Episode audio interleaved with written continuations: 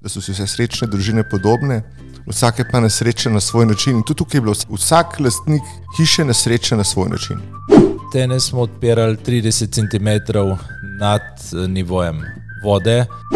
En, nekateri so odpirali skoraj z motorkami in tam je bilo včasih res kot v Rusiji. Ne, to nikakor ni pametna ideja. In pod tak kompozitni sloj je prodrlo ogromno vode. Tega si na začetku nihče ni mislil. Ne samo vode, tudi blato. Blata. Tako da čakate, treba znati. Plesen v bivanskem okolju je vedno znak za probleme in je to treba sanirati. Kdaj si zadnjič kakšno stvar naredil prvič? lepa, lepa. Dobrodošli v hiši, Podcastu za vse in o vsem o hiši, kdaj tudi o hišni miši o tistih, katerih dom je hiša, in za tiste, katerih hiša je tržna niša. Drage poslušalke in poslušalci, pozdravljeni in dobrodošli v 35. epizodi podcasta Hiša. Z vami sva Aleš Ugovšek, in Liza Križnar, z nami v studiu pa dva strokovnjaka za zaščito lesa in sanacijo lesenih objektov iz Biotehničke fakultete Univerze v Ljubljani, dr. Boštjan Lesar in dr. Miha Humar. Boštjan in Miha, dobrodošla. Živam. Živa. se pravi iz biotehničke fakultete, je potrebno povedati, da je to še oddelek za lesarstvo ali se oddelek za lesarstvo jemlje kot integralen del biotehničke in ne govorite o oddelek za lesarstvo.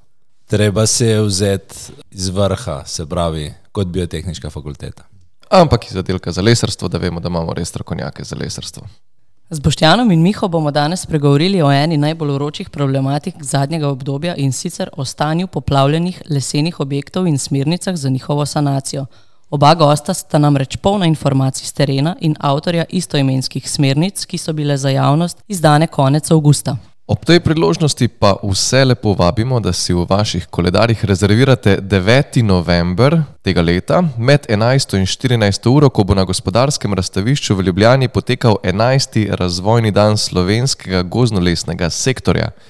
Tema letošnjega dogodka bo lesena gradnja v luči odpornosti proti ujmam, v programu pa bomo z gostjami in gosti predstavljali dobre prakse glede odpornosti lesenih stavb na ujme in v razpravi na koncu s predstavniki banke, zavarovalnice, gospodarstva in raziskovalne sfere spregovorili o tem, kaj je potrebno spremeniti, da se nam ponovno ne zgodijo takšne posledice, katerim smo bili priča letošnjega avgusta. Vabilo torej velja, povezavo do spletne strani dogodka najdete v opisu epizode, preden pa zagrizemo v vsebino, še na kratko predstavimo oba gosta. Boštjan Lesar je docent na oddelku za lesarstvo in vodja infrastrukturnega centra za pripravo, staranje in terensko testiranje lesa ter lignoceluloznih materialov. Je strokovnjak za konstrukcijsko in drugo zaščito lesa, predavatelj, raziskovalec z lepim številom znanstvenih in strokovnih objav z tega in širšega področja. Sicer pa je Boštjan solastnik čudovite lesene enodružinske hiše, za katero je leta 2022 prejel nagrado odprtih hiš Slovenije v kategoriji zasebnih objektov. Hiša Polica namreč predstavlja primer sodobne družinske hiše, v katero je ugrajen lokalno izbran les, smreke in jelke ter glineni ometi v notranjosti, ki objektu dajo dodatno trajnostno vrednost. V hiši Boštjan živi z ženo in njunima dvema otrokoma, s katerimi najraje zaidejo na okoliške griče ali še više po slovenskih gorah. Boštjan, koliko obiskov hiše in ogledov hiše si imel potem, ko ste dobili nagrado? Potem, ko smo imeli nagrado, smo imeli še eno leto isto odprte hiše in nas je obiskovalo še cirka 50 ljudi. Še cirka 50 ljudi. Predstavimo še Miho.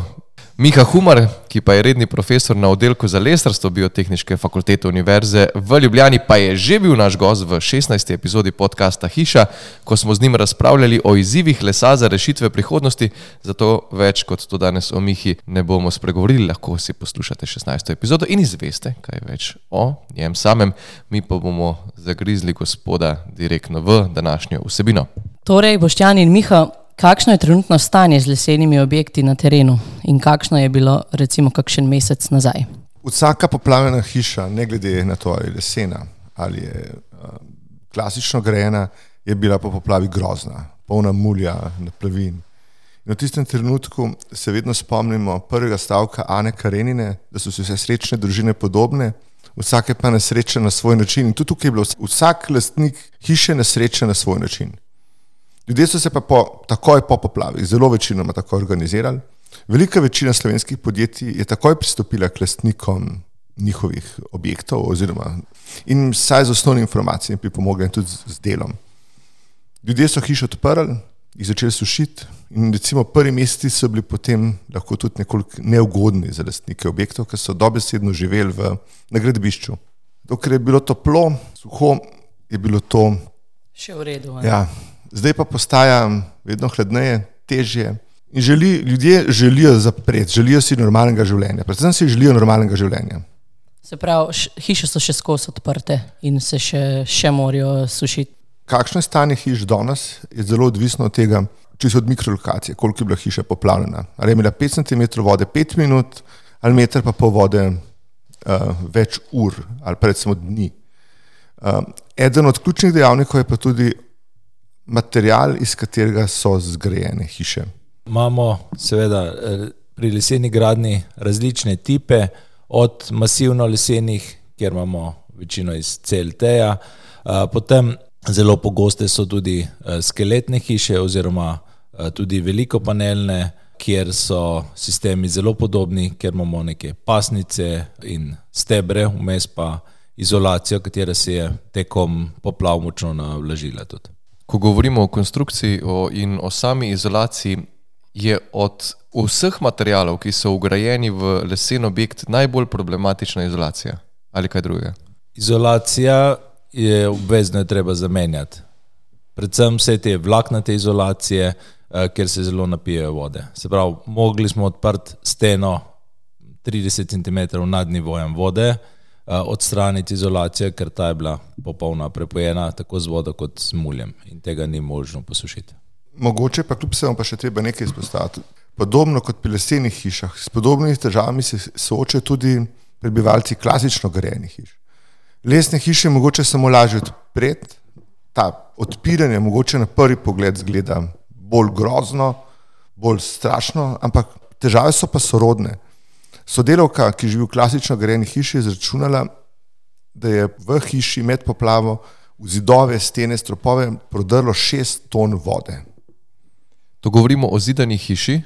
Klasično grajeni zidani hiši iz opek in betona. In kje se je nabralo toliko vode v opekah, v teh praznih V prostorih? opekah, v praznih prostorih, estrihu. Um, ko sem bila z Boščanom v enem betonskih kleti, ko si stopil v ta objekt, en mesec po poplavi, je bilo tako, kot bi stopil v najhujšo zidanico, ono zapuščeno zidanico nekje na Štajerskem. Ker če nisi pijan, greš težko v tako zidanico, tako dobro, zam prostovoljno. V večini lesenih hiš, ko stopiš noter, 14 dni, 3 tedne po poplavah, ni nobenega smradu več. Torej, ni nobenega več, um, ni neprijetne atmosfere, ni razvoja plesni. Torej, vse suši, je grdo, ni pa z zdravstvenega teži, eh, vidika pa ni težav. Se pravi, zaradi tega, ker se les toliko hitreje suši od betona ali kakšen drug razlog. od opek in sama konkretno čisto betonska konstrukcija je v redu, tista ne pije veliko vode, ampak večina je opečnih uh, stavb ali pa tudi uh, iz porobetona, te zelo veliko vode upijejo in tam je velik problem pol sušenje. Ponovadi tudi odstopajo ometi, recimo v takih objektih, tudi to je. Mogoče, če se vrnem še nazaj k izolaciji, torej rekli smo, da nujno je potrebno zamenjati vse vlaknate, se pravi lesena vlakna oziroma izolacijo iz lesenih vlaken, verjetno tudi kamena volna. Tako. Kamena volna, medtem ko stiropor in stirodur pa nista problematična, to drži. Stiropor tudi upija nekoliko vlage, ampak se tudi vmes posuši, ni, ni tako kritičen. Ja. Ali je potem kakršna koli gradnja boljša v primeru poplav od ostalih, da bi se naprimer izpostavilo, da je kombinacija tega materijala za izolacije in tega materijala za konstrukcije boljša od ostalih? Izvedba detajlov pri posamečnih objektih lahko zelo, zelo omeji nastalo škodo, vsaj pri milejših poplavah. Torej, če imaš meter, pa pol vode v hiši, ni, Razlike. ni razlike. Če imamo pa recimo malo vode, se pa recimo s kolenčnim zidom dobro izvedbo detajlov da veliko, veliko rešiti. ne.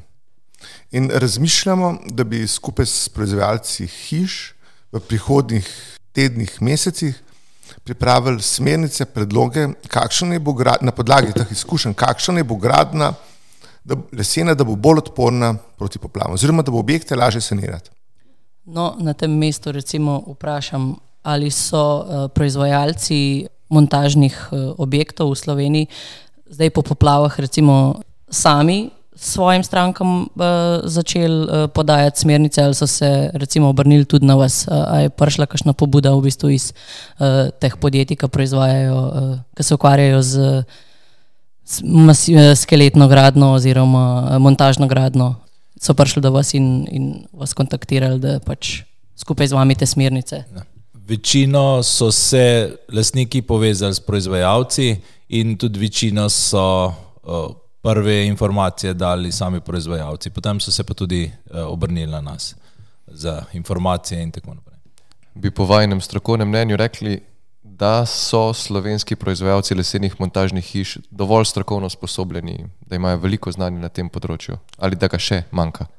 Mislim, popolnosti ni nikjer, nihče ne ve. Mislim, nobed, tudi mi tukaj ne vemo vsega, ne. vedno imamo vsi priložnost za napredek. Pa upoštevati moramo še nekaj. Ne. Poplave so se zgodile, kljub vsemu, nekoliko nepričakovano takem obsegu. Nihče od nas ni bil celoti pripravljen na takšen obseg dogodkov, tudi proizvajalci. Ne. Ampak je pa treba priznati, da večina proizvajalcev se je zelo hitro odzvala in je bilo v določeni meri, tudi z naše strani, bilo tako, kako rečemo, learning by doing. Ne. In ko smo pisali smernice, ko so zboščali se lotila pisave smernic, je bil eden od vidikov tudi to, da bomo pripravljeni za naslednjič, da bomo naslednjič imeli dokument, ki bo koristen za ukrepanje, oziroma na dolgi rok, da bo, dok, da, da bo ta dokument vseboval tudi priporočila za gradnjo v prihodnje, da bomo imeli bolj odporno lesno gradnjo proti temu. Ker tisto, kar, kar je naj osebno najbolj zaskrbelo, je, če se ne bomo lotili pravilno, bodo objekti začeli propadati. In to bo v bistvu pa zelo velika negativna reklama za celoten sektor. Koliko, pa recimo po vajni oceni, oziroma koliko vam je znano, uh, koliko lesenih objektov se trenutno sanira? Mi dva sva videla recimo temu 100 poplavljenih lesenih objektov. Recimo, zavedamo se, ko smo se pogovarjali s proizvajalci, jih je še recimo 100 zraven. Uh -huh. Tako da recimo Slovenija je recimo 200-300 poplavljenih lesenih objektov. Ti, ki so bili tako poplavljeni, da so imeli zalito, naprimer, uh, pritličje. 50 cm vode.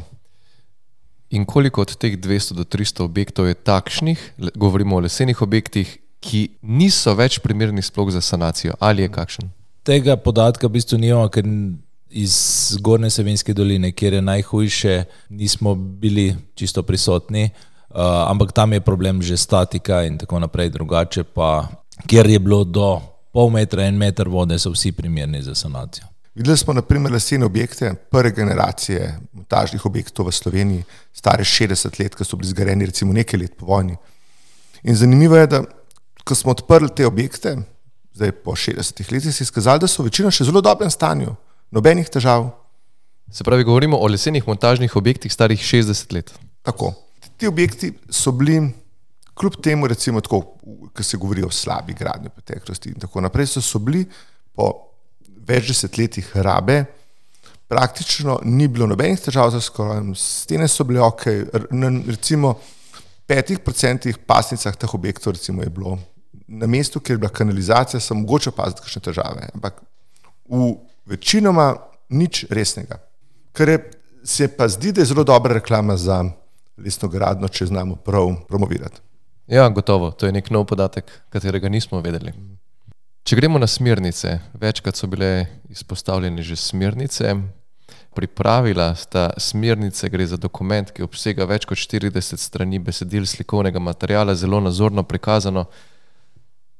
Gremo čez smernice, da predstavimo ključne usmeritve za sanacijo poplavljenih lesenih objektov, pa vam dam prosto pot, kje se lotimo tega. Na začetku, v smernicah smo začeli, pri začetku se pravi pri sami odpiranju sten oziroma čiščenju objektov. Kar je zelo pomembno, je, da čim prej se lotimo sanacije oziroma umikanja najprej, seveda, pohištva, potem pa tudi odpiranje sten, ker vse večino lesenih konstrukcij je obloženih z različnimi materiali, od mavčno-kartonskih plošč uh, in tako naprej. To je treba najprej odstraniti, da se lahko les oziroma osnovna konstrukcija suši.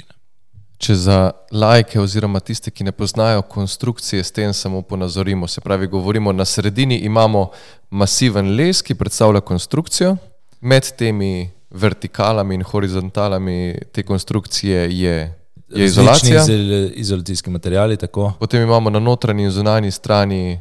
Na notranji strani je največkrat OSB ali eh, mavčno vlaknena plošča.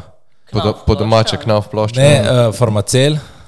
Doskrat, predvsem pri teh uh, velikostenskih sistemih ali pa OSB plošča. Ne. Na zunaj pa potem odvisno zopet od uh, kakšen izolacijski material imamo, lahko so lesna vlakna, so direktno pritrjene na leseno konstrukcijo, če pa imamo stiropor ali pa kameno volno zunaj, potem pa je tam tučena plošča, največ tudi lesno vlaknena plošča. Se pravi, stene se je pa odpiral koliko nad višino uh, poplavljenega območja? Stene smo odpirali 30 cm nad nivojem vode, zaradi tega, ker seveda vsi ti materijali nekoliko povlečejo že vodo in je treba priti do uh, suhega. Kar je pa zelo pomembno tukaj podariti, da mora, na začetku je treba lepo odpreti, da potem lahko lepo saniramo. Ne. Paziti je treba, kako potem po temi osnovnimi oblogami imamo mi tudi parne ovire oziroma zrakotesno ravnino, katere treba potem tudi uh, zelo natančno potesniti, ko saniramo in že pri odpiranju moramo paziti, da tega ne poškodujemo preveč. A ste lahko mogoče samo malo praktična, govorite o lepem odpiranju teh sten, po mojem, to zgleda grozno, ko enkrat prideš v objekt in imaš do metra pa pol odprte stene. Na kak način to zgleda, na kak način se odpre te stene, se izreže iz, ne vem. Zelo je bilo odvisno, kdo je to delal. Zelo. En, nekateri so odpirali skoraj z motorkami in tam je bilo včasih res kot v Rusiji. Ampak, če so se nekateri, nekateri izvajalci se pa zelo videli, so se pa tega lotili nežno, s, potopni, s temi krožnimi, ročnimi, krožnimi uh, žagalnimi strojčki, te, s katerimi so lepo postavili desko, ob deski potegnili črto in je v bistvu tisto ne zgleda tako hudo. Tako. Je bilo pa kar nekaj porezanih kablov, to je pa del vojnih hran. Ja. Ja. Mogoče tisto, ki je še potem tisto eno takih zoprnih vprašanj, ki se je postavilo, je bilo, kaj z estrihom narediti. Estrih zmetati ven, ali ne. To je huda bolečina. Torej, stene so še odprli, to so sprejeli. Hujše vprašanje je bilo, kaj z estrihom. Samo če mi razložiš, kaj je estrih. Morda je estrih? ne vejo vsi, kaj je estrih. Mogoče bo to Boštjan lažje razložil, jaz bom pa potem nadaljeval. Estrih je sestavljen iz izolacije, katero položimo na temeljno ploščo, potem eh, v sodobnih objektih eh, imamo sistemske plošče in talno ogrevanje, in pa eh, ponovadi to nekje okrog 5 cm betona, na katerega potem položimo še talno oblogo ali to keramika ali parket ali karkoli drugega. In pod tak kompozitni sloj je prodrlo ogromno vode. Tega si na začetku nihče ni mislil. Ne samo vode, tudi blato. Blata. In zdaj v bistvu, potem sta bile pa v osnovi so bile tri možnosti. Noč narediti, pa upati, da bo se rešila samo po sebi, ker vem, da se ne bo. Opcija dve, ki se je postavila potem sušiti z prepihovanjem oziroma s temi sistemi za hitrejše sušenje, ki se uporabljajo tudi za sušenje ekstrihov pri gradni ali pa estrihe ven vršt. Ogromno ljudi je tudi po sušenju se odločilo, Enostavno se ne da posušiti. Sem zelo odvisen od tega, kako je bil objekt poplavljen, kako hitro so se lotili, ampak veliko se je izkazalo, da je treba iz tih izmetati. To, to je bila pa boleča točka. Torej, uh, steno odpirati je bila manj boleča kot pestrihe. Verjetno tudi stroškovno. Zdaj, nekateri so še računati potem, ne, tudi koliko stane najem stroj za prepihovanje, koliko elektrike se porabi. Tako da včasih je bilo stroškovno prepihovanje, sušenje tam tam. Samo če si imel parket v hiši, keramiko v hiši, ti je vse mogoče lep zgledal, kot pa. Se izseliti po, po prostorih, eh, mm. se premikati. Ja. Morda praktično predstavite, kaj pomeni prepihovanje estrihov. Še sam si dobro ne predstavljam. To pomeni, da v estrih na določenih mestih zvrtamo iz vrtine crka uh, 10, 5 do 10 cm in v te uh, luknje preko betona v izolacijo upihujemo zrak, ta zrak pa potem ob uh, reži med estrihom in steno, kjer imamo vedno uh, neko režo, crka en centimeter, prihaja ven in se uh, suši, seveda druge v objektu pa imamo tudi razložilce, ki nam to vlago pobirajo.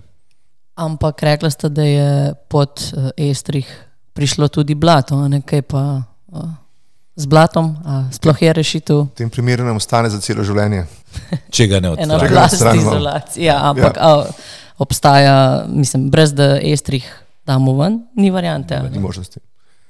Mogoče pri tej točki, ko se je hiša odprla ne, in imamo objekt relativno odprt, dostop do konstrukcije, to točko ima vedno do, dobro izkoristiti tudi za pregled same konstrukcije, da vidimo, če imamo kakšne stare grehe.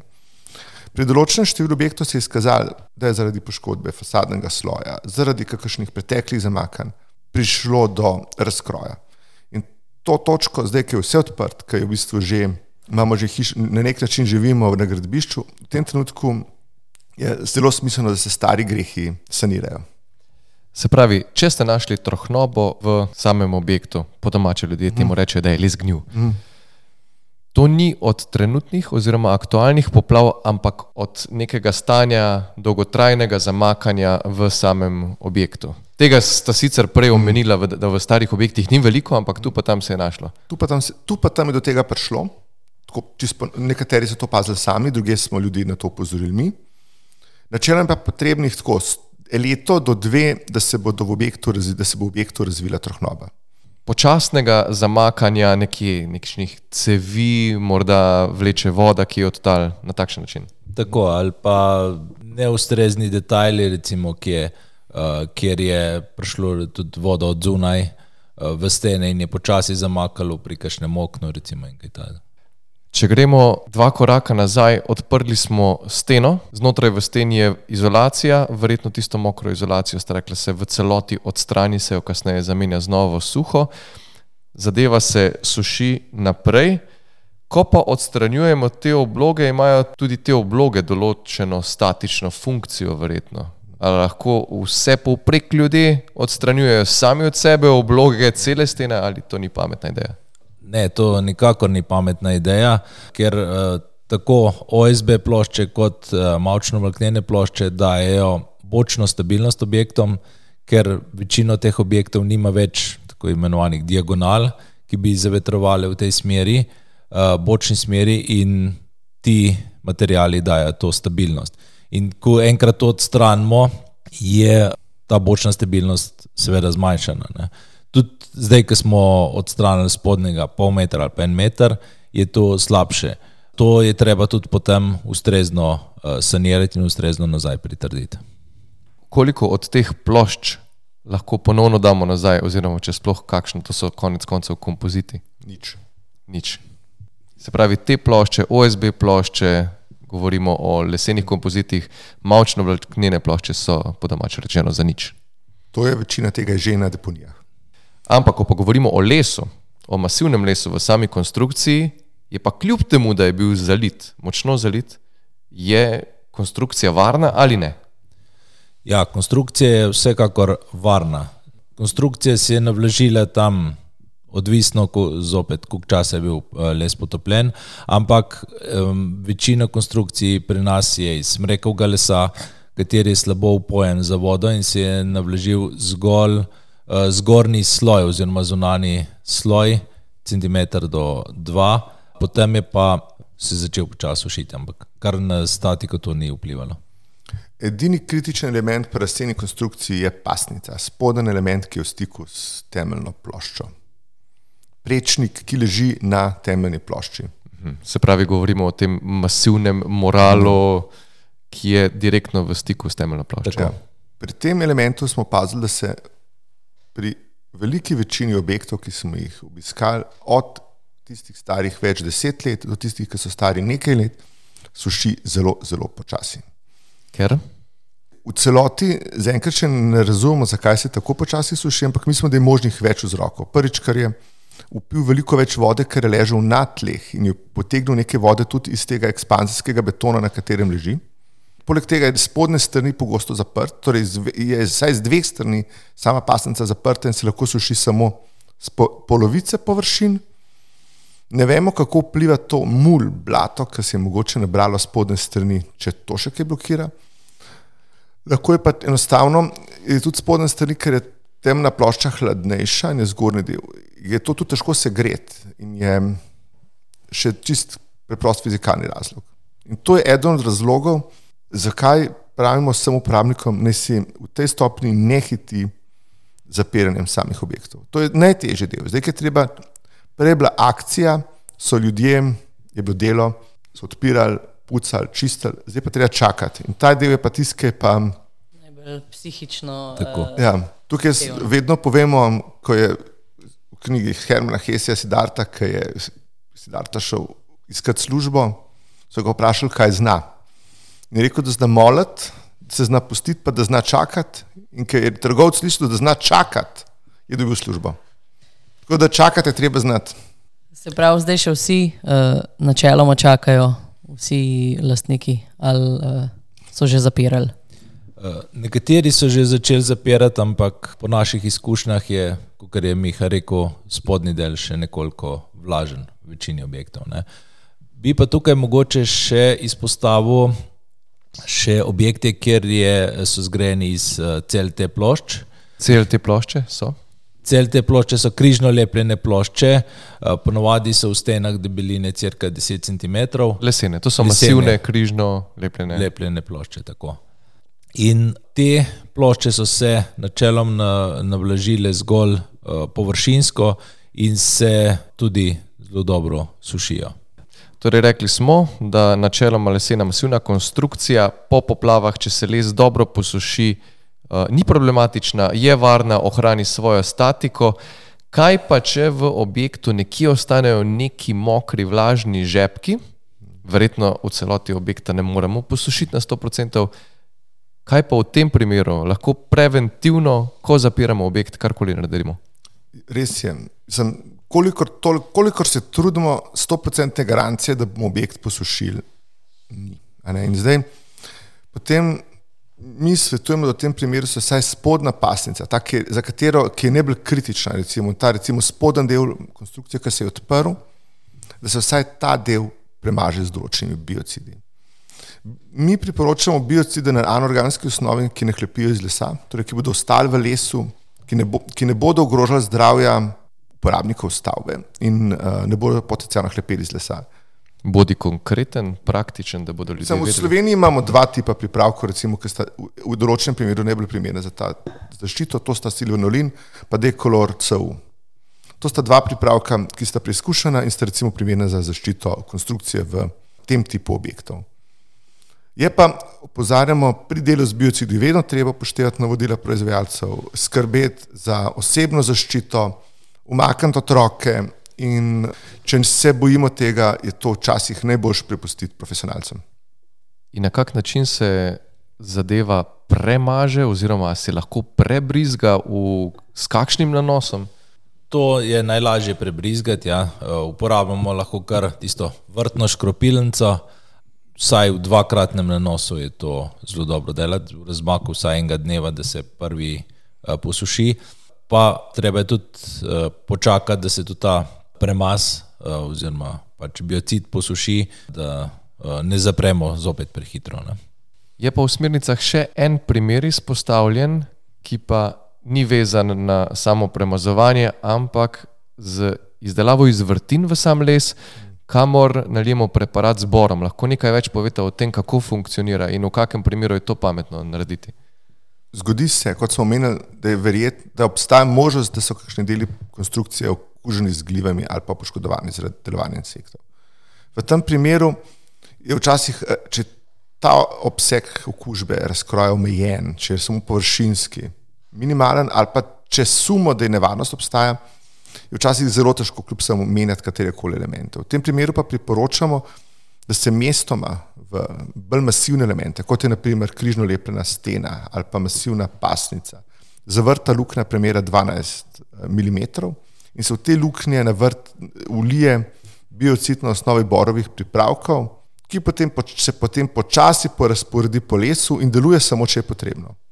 Bore spojine niso pretirano strupene, torej strupene so toliko, kot je strupena kuhinjska sol, porabljajo se v praških vsakodnevno za gnojenje, tako da tudi te ne predstavljajo nevarnosti za uporabnika, ko, enkrat les, ko so enkrat unešene v les. Seveda pa to ni zapit. Morda še eno vprašanje, zelo praktično.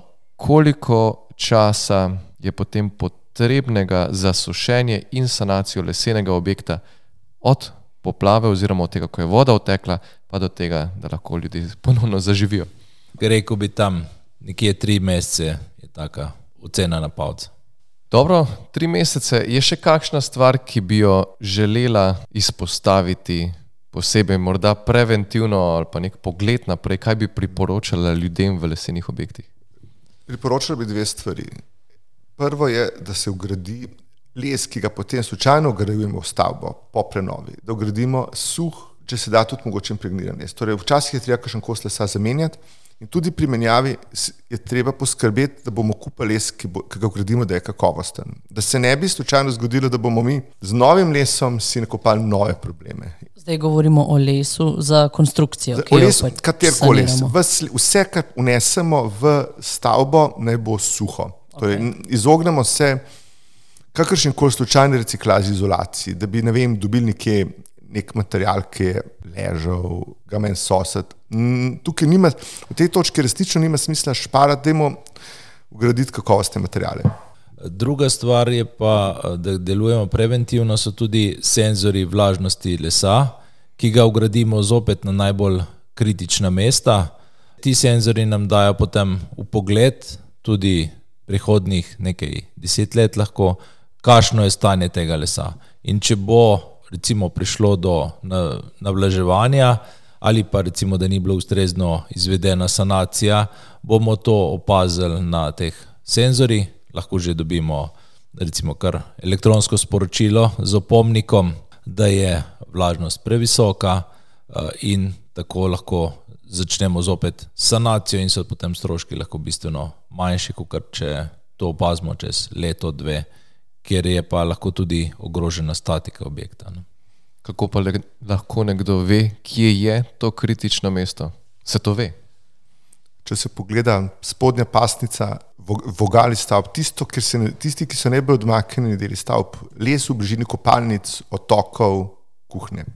V nekem tipičnem stanovanjski zgradbi, recimo, je takšnih lokacij 5 do 10. V eni od stanovanjskih hiš v Sloveniji, kjer je v preteklosti imela težave z zamaknjenjem, smo namestili preizkušene te senzorje in, izka, in na podlagi tega smo lahko pol leta ocenili, da je še nekaj narobe in preprečili nadaljne težave. Te senzore preizkušamo tudi pri nas na oddelku za lesarstvo, v novo zgrajenem objektu, pa tudi v staro zgrajenem objektu jih imamo. Mi še nismo, mislim, na srečo nismo ugotovili napak, samo, mi samo spremljamo zaenkrat, kako delujejo, ampak na srečo še nismo imeli um, prilol, recimo še ni prišlo do takih težav, da bi prišlo do alarmov na oddelku za lesarstvo. Še nekaj glede teh senzorjev, kakšen strošek predstavljajo ti senzori? A so dostopni eh, cenovno enemu normalnemu, lajčnemu uporabniku ali so tu bolj znanstveno zasnovani senzori? Ne, to so že čisto uh, ready to made uh, senzori, tako da jih vsak povprečen uporabnik lahko namesti. Uh, sama uh, cena pa je okrog, tam, odvisno koliko uh, merilnih mest imamo, ampak velja za pet senzorjev okrog 1500 evrov. Kako pa s plesnijo na takih objektih? Če se sanacije ne lotimo pravilno, če zapiramo prehitro, oziroma če ne zračemo, sušimo objektov, obstaja velika verjetnost, da se nam v vseh objektih, ne glede na to, je lesen ziden, klasično grejen, pojavijo plesni. In zdaj, plesni je ogromno vrst, mi nikoli ne vemo, tisto, bomo, kaj, katera bo tista vrsta plesni, ki se bo uh, naselila nam v stavbo.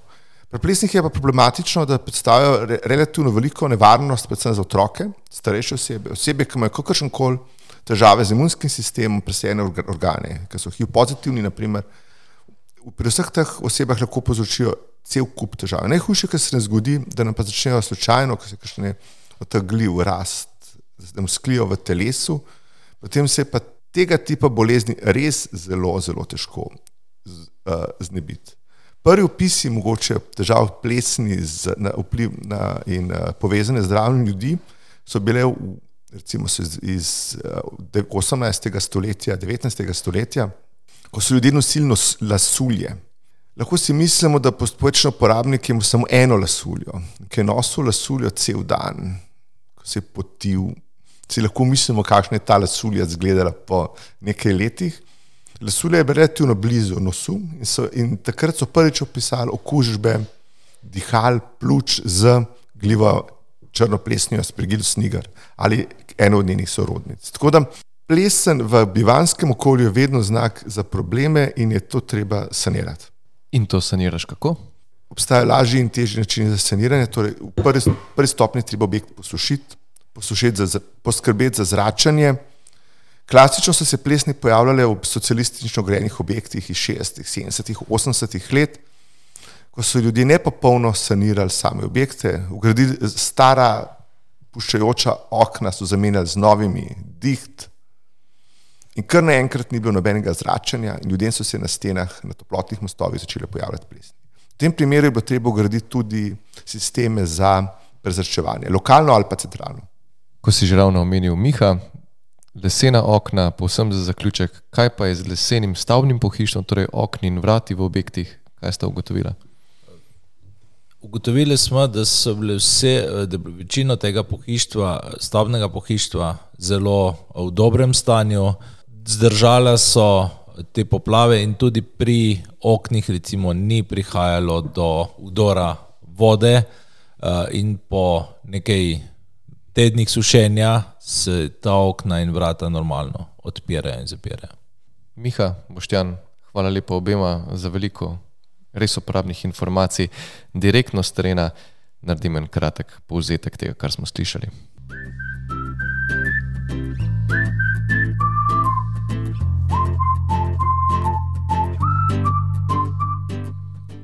Torej, na samem začetku sta povedala, da so objekti po poplavah, da so bili polni mulja, mokri, sanacije so se ljudje hitro lotili, so pa kar nekaj časa dejansko živeli v mokrih oziroma vlažnih objektih, da se v Sloveniji trenutno sanira med 200 in 300 lesenih objektov. Smernice ste pripravili oziroma sta pripravila predvsem z namenom za prihodnje ravnanje, sledijo pa še smernice za protipoplavno gradnjo lesenih objektov, ki bodo sledile v konsenzu in v sooblikovanju s proizvajalci lesenih montažnih hiš v Sloveniji. Ko smo govorili o smernicah, sta povedala, da se je pri sanacijah stene odpiralo do 30 cm nad nivojem vode v samem objektu, oziroma se pravi najvišji nivo vode plus 30 cm, da se je ustrezno sušilo. Zelo pomembno je tudi, da se previdno odreže in sanira samo paropropustno folijo, da tudi to zagotovimo, kot je potrebno, da je bila velik problem voda in blato, ki sta prodrla pod same estrihe. Veliko krat je bilo potrebno estrihe v celoti odstraniti ali pa jih prepihovati.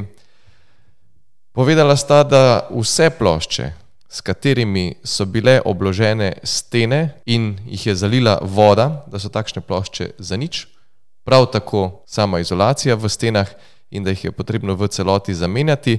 In poudarila sta, da teh plošč naj ljudi ne menjajo sami zaradi porušitve statike samega objekta, ampak v sodelovanju s proizvajalcem teh hiš.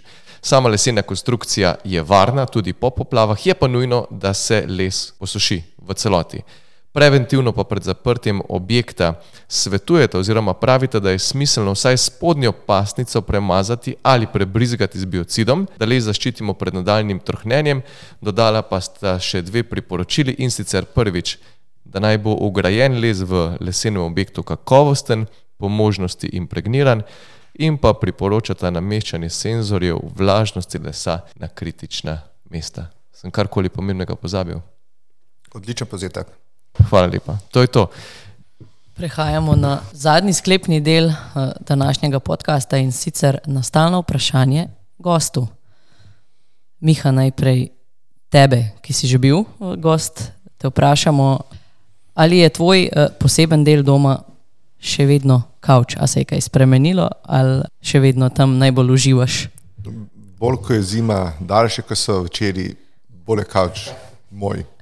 Se pravi, zdaj, zdaj prihaja vajen čas. Zdaj prihaja na en čas, tako da se mi kavč počasi vedno bolj prilagaja. Ok, Boštjan, kaj pa ti, kaj je v tvojem domu, kjer živiš za res posebnega? Uh, jaz pa imam najrajši teraso. Seveda je bolj izkoriščam v letnem času, ampak takoj s pogledom na gost in uživanjem v svežem zraku mi je uh, čudovito. Kljub temu, da imam tudi jaz udoben kavč, ki se mi čez zimo bolj prilagaja, ampak terasa je tista, ki bi jo izpostavil tukaj. Ok, se pravi. eh, Miha, Mihu se začne uporaba najljubšega predmeta, eh, ti pa daš malo na pauzo teraso. Tako. Zdaj. Okay. Zdaj pa še. Hišarija, za mnoge najbolj zanimiv del tega podcasta, vedno se postavi izziv gostu, gosti ali gostoma, tokrat pa bo malenkost drugače in sicer sta izzive pripravila eden za drugega. Kdo bo začel? Lahko začnem jaz. Izvoli Miha. Miha, torej izziv za Boštjana, pa da slišimo. Glede na to, da boš čan rad poje, sem si zamislil, da ne bo pil. uh, ne, uh, včeraj sem se skupaj vozila nekaj ur in sem več čas premišljal, pa nisem, nisem se nič dogovorila, kaj bi mu postavil in sem se odločil za vprašanje, kdaj si zadnjič kakšno stvar naredil prvič. lepa, lepa. Ta je pa težka. Vzami si čas in bodi iskren. No, ti jaz eno pomagam. Kaj si splezal dva dni nazaj? Ja. Hvala. Uh, da sem splezal na vrh uh, džamije, to je zagotovo bilo prvič, oziroma da sem sploh bil v džami v največji leseni v Bosni, kjer so bila skupaj s kolegom Mihom. No, vidiš. In To je, sva šla skupaj prvič na minaret, na lesen minaret. In ta lesen minaret je visok koliko? Uh, mi, imam je rekel, da je bil 26 metrov uh, visok. Aha, ok. Torej. Bio je malo luljav. in šta to znači? ok, super, Miha, hvala lepa. Boštjan, vemo nekaj novega o tebi. Ja. Sedaj si pa na vrsti ti, da vrneš izziv. Uh, ja, jaz bi pa, vem, da mi rad hodi uh, po hribih in me se, ra, se zelo dobro tudi zapomni uh, raznih uh, vrhov in njihovih višin, pa mi naštej uh, po Julijskih Alpah tri najvišje vrhove, po Karavankah tri najvišje vrhove uh, in pa tudi za pohore tri najvišje vrhove in pa njihove višine. Pohore ni Slovenija, hitro. uh, ne. Julijske Alpe so, recimo, če, če štejemo Triglav enostavno, 2863, eni pravijo 64, pač odvisno od statistike. Za mali Triglav ne vem, koliko je visok, je druga najvišja gora, uradno, kot vrh, potem je pa Škrlatica čez dolino, pa ne vem, koliko je visoka. Tam, Dva- 2700 2700, nekaj, nekaj, pa še Mangard, ki je pa tudi 2700, ne vem koliko. Kaj pa montaž? A ja, montaž pa nis, je, pa, je, pa, Ju- je pa na drugi strani Slovenije, je pa, um, je pa na italijanski strani, ga pa pozabljamo. Ja. No, okay. Zdaj, kar se tiče Kamiško-slovenskih Alp, vemo, da je Grintovec najvišji, tam 2500, je ne vem koliko. Potem temu sledi Skuta, In tretji? Najvišji? tretji je pa Kočna. Uh -huh. Ker se pa Krvank tiče, pa Stov, uh -huh. ta je absolutno, zdaj nisem pa potem siguren, ali je vrtača. Je. Potem, potem pa sta pa ali sta pa kepa ali pa begunščica. Kje pa? Ok, in še pohorje. Oh, pohorje, Pa je to tam ni vrha. Stolp na pohorju, res ne. V rogli. Posanja se mi ne. Je pa črni vrh, velika kopa in izjerski vrh. Kuk je pa, Kako to ne veš? kuk je pa okvirna višina vseh. Tam je pa Jurija, pa pol najvišji vrh. Tako. to ni vrh. Ampak uh, veš, da jaz tudi, uh, tako kot ti rad kolesaram, mm. zdaj mi pa predlaga en, kam bi šel lahko najviše z svojim kolesom. A najvišje, najvišje, kot se da. Tako da varno. Ne, najvišja cesta v Sloveniji, vemo, da je Mangarsko sedlo, znam ta dolg čas, ki je asfalt. Meni zelo ljubi vrh je poleg Ugovškega vrha, Kranska rebr, 1540 metrov visok hrib, nobenega človeka ne bo srečal, vulkanskega izvora, dve kravi, to je to. Sam na vrhu, ki gre večer dol, Ti in, ti kolo. Jaz pa kolo, pa Ti in krava. kolo na pol Pa elektrike. lahko kakšen otrok še s tabo, to je to čist fajn. Si dobil idejo. Sem. Ampak nista pa izpostavila, da se, ne, se da s navadnim kolesom gor priti. Odvisen, koliko si žganca pojedel, pa šunge. Okay. Mislim, da smo dovolj podrobno podrezali v sama vajna kolesa. Hvala Boštjan in Miha še enkrat, da sta bila gosta današnjega podcasta in hvala vsem vam poslušalcem. Če imate dobro idejo ali željo po specifični vsebini ali gostih, se nam javite preko socialnih omrežij ali na hiša afna m-sora.si. Še naprej pa nas spremljajte preko podcast kanalov in YouTube, zelo pa bomo hvaležni, če boste to epizodo in podcast delili tudi z drugimi. Se slišimo ponovno čez dva tedna, vmes pa izidejo še eni hišni momenti. Do takrat pa vse dobro in srečno v vaši hiši.